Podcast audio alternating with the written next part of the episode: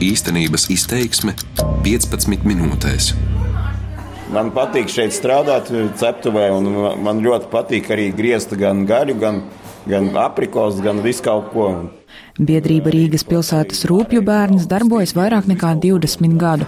Kopā ar biedrības vadītāju Māri Grāvi, es, Annija Petrova, esmu Rīgas pilsētas rūpju bērna galvenajā mītnē Maskavas Forštatē. Šeit ir mūsu administrācija un viens no dienas aprūpas centriem - Cerību Līgsta. Cerību Līgsta ir dibināts 97. gadā. Uz doto brīdi viņu apmeklē vairāk kā 50 jaunieši ar intelektuālas attīstības traucējumiem, kas katru dienu no mājām, no grupu dzīvokļiem vai no citām, kur, kur no kurais dzīvo.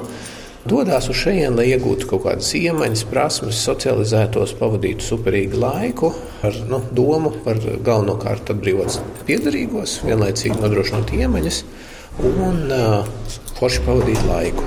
Jaunieši kādā vecumā?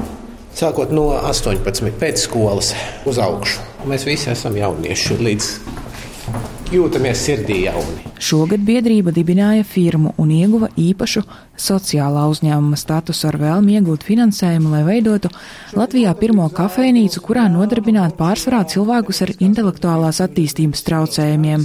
Šādu statusu Latvijā var iegūt vairāk nekā pusgadu, un līdz šim to izdarījušas 27 firmas, kas vēlas uzlabot sabiedrības dzīves kvalitāti.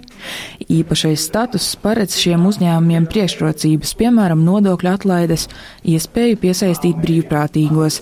Šobrīd paredzēta iespēja pretendēt arī uz finansiālo atbalstu, taču ir arī ierobežojumi, no kuriem iespējams galvenais - peļņu nedrīkst ņemt ārā no uzņēmuma. Jā. Visa peļņa jāiegulda sociāli nozīmīga mērķa sasniegšanai vai atpakaļ uzņēmumā. Proti, uzņēmums peļņu nesadala dividendēs. Kā Rīgas pilsētas rūpju bērns nonāca pie lēmuma dibināt sociālo uzņēmumu, ar kādām grūtībām saskārās un cik tālu tikts ar kafejnīcas veidošanu, par to šajā raidījumā. Šeit ir pīšanas studija. Māris Grāvis izrāda biedrības telpas. Te ir vairākas darbnīcas un iespēja piemeklēt visdažādākās nodarbes. Viena no šādām darbnīcām - konditorijas interešu pulciņš arī pārtapa par sociālo uzņēmumu. Tajā gan nonāksim vēlāk. Tagad Māris atved uz pīšanas darbnīcu, kur skolotājas vadībā jaunieši pin dažādus groziņus. Puikām ļoti patīk. Juris var izstāstīt bišķi vairāk par, par, par varbūt pašu procesu. Sāksim ar to, ka nekā grūta īpaši nav, vajag vienkārši pacietību. Galvenais ir pacietība šajā darbā. Juris tieši tagad pina grozu. Ja cītīgi strādāt katru dienu, tad grozu sapīt aizņem apmēram nedēļu. 11 gadus apmeklēju dienas aprūpas centru, nu, nu tiem 11 gadiem, nu laikam, nu jā, nu, nu 6 laikam pino. Es neskaitu, jā, es vienkārši daru savu darbu un daru to ar visu mīlestību, ar visu dvēseli. Jā. Un kas pēc tam notiek ar groziņiem? Nu, viņi, nu, ot, piemēram, tagad Ziemassvētku tirgus, jā, nu, protams, mūsu groziņi arī tur būs. Jā, jā, jā izpārdodam visu tos tirdziņos.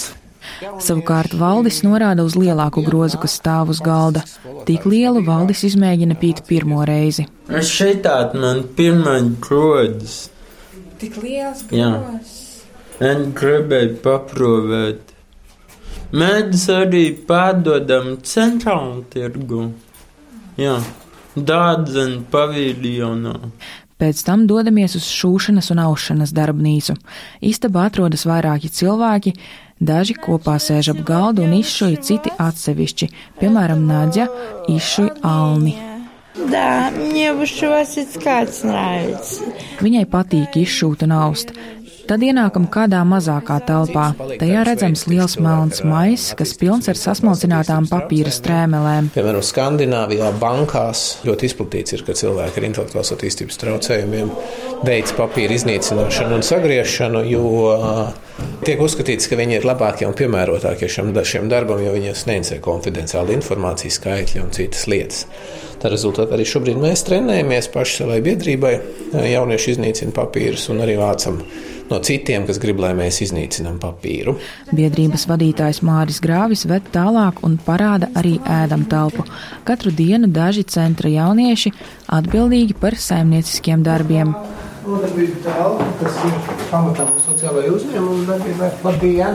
Nonākam arī mācību virtuvē. Biedrībā mācību konditorija darbojas no 1999. gada. Katru dienu te nāk 6 līdz 8 jaunieši. Balsoties uz mūsu ilgadējo pieredzi, mēs jau ilgi domājām par to, ka būtu nepieciešams veidot arī atklātu šādu konditoriju, kur ne tikai mēs paši, bet arī sabiedrība var nobaudīt mūsu gardumus. Un, nu, tā, tā rezultātā ir nodibināts SIA RB kafē, kas šobrīd piedāvā kafijas paužu apkalpošanu dažādiem uzņēmumiem, vai konferencēm vai sapulcēm. Ar piegādi nodarbojas jau citi kolēģi. Savukārt nākamgad durvis plāno vērt pirmā kafejnīca. Kurā pilnībā, nu ne, bet 90% visu darbus veiks cilvēki ar invaliditāti. Smarža, protams, šeit ir fantastiska. Visus šos gadus ar jauniešiem biedrībā Rīgas pilsētas rūpju bērns strādā konditorijas interešu pulciņa vadītāja Māra Štāle. Smalkmaizīts pierādziņi, siera rādziņi, rausīšu speķi un siera un plātsmaizes, piespienu plātsmaizes un ābolu plātsmaizes ar vārīto krēmu un, un, un picas. Un sortiments mums diezgan plašs un vēl kliņģeri gan sāļie, gan saldie. Māra satraucas, ka mūsu sarunas dēļ varētu piedegt cepeškrāsnī ieliktie pīrādziņi, taču viss ir kārtībā. Viens no cilvēkiem, kas šobrīd griež produktus, ir Valters. Jā, es man šeit ļoti. Man patīk šeit strādāt, ceptuvē, un man ļoti patīk arī griezt gan gaļu, gan, gan aprikos, gan visu kaut ko. Un uh, arī palīdz Mārai braukt uz tirgiem, uz visu kaut kuriem braukt. Un kāds ir jūsu mīļākais ēdiens, ko jūs gatavojat? Uh, kliņģeri un pits. Biedrība bija iesaistīta sociālā uzņēmuma likuma tapšanā, stāsta Māris Grāvis.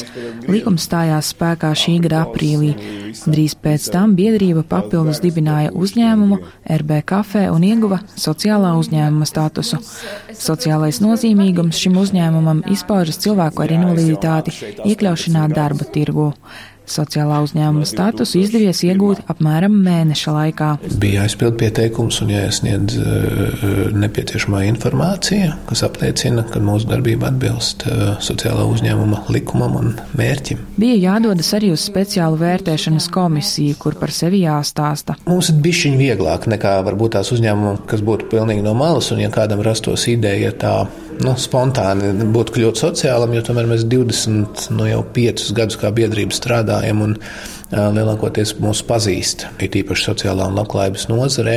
Tā rezultātā mēs jau arī ļoti ilgstoši iepriekš esam stāstījuši par savu mērķi, par savu vīziju, par savu redzējumu, ka mēs gribam šo kafejnīcu. Liela daļa zina par mūsu mācību virtuvi. Cilvēkiem no malas varētu radīt grūtības ievērot daudzos obligātos birokrātiskos ierobežojumus, uzskata biedrības Rīgas pilsētas rūpju bērns vadītājs Māris Grāvis. Jo tikai laba ideja, ja tā neatbilst rāmjiem, nu, nav sociālais uzņēmums. Tā rezultātā ideja, kas samērojās ar rāmi, nu, ir atbilstoša un tajā gadījumā ir daudz mazāk šķēršļu un problēmu. Pagaidām likuma izpratnē īpašajam statusam reģistrējušies ir salīdzinoši maz uzņēmumu - 27. Divi no tiem jau ir noslēguši līgumus par finansējuma saņemšanu. Vēl pirms likums stājās spēkā, ministrijā pieteicās 98 uzņēmumi, kuriem tagad arī ir iespēja pretendēt uz finansējumu. Tādā veidā līgumus par kopumā 2 miljoniem eiro noslēguši 24 uzņēmumi. Kopumā līdz 2022. gadam Sociālo uzņēmumu atbalstam paredzēti 12 miljoni eiro. Tikmēr kopš strādā likums statusa iegūšana atteikta septiņiem uzņēmumiem, piemēram, jo piedāvātais uzņēmuma darbības modelis neatbilst pašreiz spēkā esošajiem noteikumiem. Sociālās uzņēmējdarbības asociācijas vadītāja Liena Rēne Miteve uzskata, ka bieži vien labu ideju autoriem trūksta biznesa zināšanu. Šī ir unikāla situācija kad ir gan likums, gan regulējums, gan arī ir klāt nāk uzreiz finansējums. Tieši tāpēc nu, mēs neredzam īsti attaisnojums un iemeslus, kāpēc, lai nepieaugtu sociālo uzņēmumu skaits Latvijā. Šobrīd biedrības Rīgas pilsētas rūpju bērns uzņēmums iesniedzis pieteikumu un norit sarunas par iespējām saņemt finansējumu, lai varētu vērt vaļā kafejnīcu. Finansējums ir galvenais burkāns, kā firmas pievilina iegūt sociālā uzņēmuma statusu. To atzīst arī asociācijā. Šobrīd sociālo uzņēmumu darbības prakse ir ļoti neliela un to nav daudz, tāpēc secināt par šo jomu pagaidām grūti. Atbildīgā labklājības ministrija plāno nākamgad padziļināti pētīt, kā ir veicies un 2020. gadā varētu virzīt priekšlikumus uzlabojumiem. Ja grants nav vajadzīgs, tad iegūt sociāli nozīmīgu uzņēmuma statusu nevienmēr vēlēsies. To pierāda biedrības tuvu pieredze. Uz labdarības veikalu tuvu devos pērnā gada janvārī, kad sociālā uzņēmuma likums tikai tapa. Toreiz biedrības vadītāja Lāsma Cimermane vēl nezināja, vai reģistrēsies kā sociālais uzņēmums. Viņa cerēja, ka likums viesīs skaidrību. Būtu skaidrība, ko mēs drīkstam darīt, ko mēs nedrīkstam, kas ir atļauts, kas nav atļauts, jo, jo šobrīd, man liekas, ir tāda taustīšanās. Uzrunāta tagad Cimermane stāsta, ka labdarības veikals par uzņēmumu pārtapt neplāno. Uz finansējumu pretendēt vajadzības nav, savukārt citi ieguvumi no statusa saņemšanas nav tik būtiski, lai dibinātu atsevišķu uzņēmumu. Tādēļ var secināt, ka Latvijā aizvien saglabāsies biedrības un uzņēmumi, kas darbojas pēc sociālās uzņēmējdarbības principiem, taču statusu neiegūst. Tikmēr, ja uzņēmums vēlas iegūt grantu, tas prasot zināšanas biznesa plāna sagatavošanā un citos jautājumos, atzīst biedrības Rīgas pilsētas rūpju bērns vadītājs Māris Grāvis. Summa, uz kuru viņa uzņēmums pretendē, esot nedaudz virs 100 tūkstošiem eiro.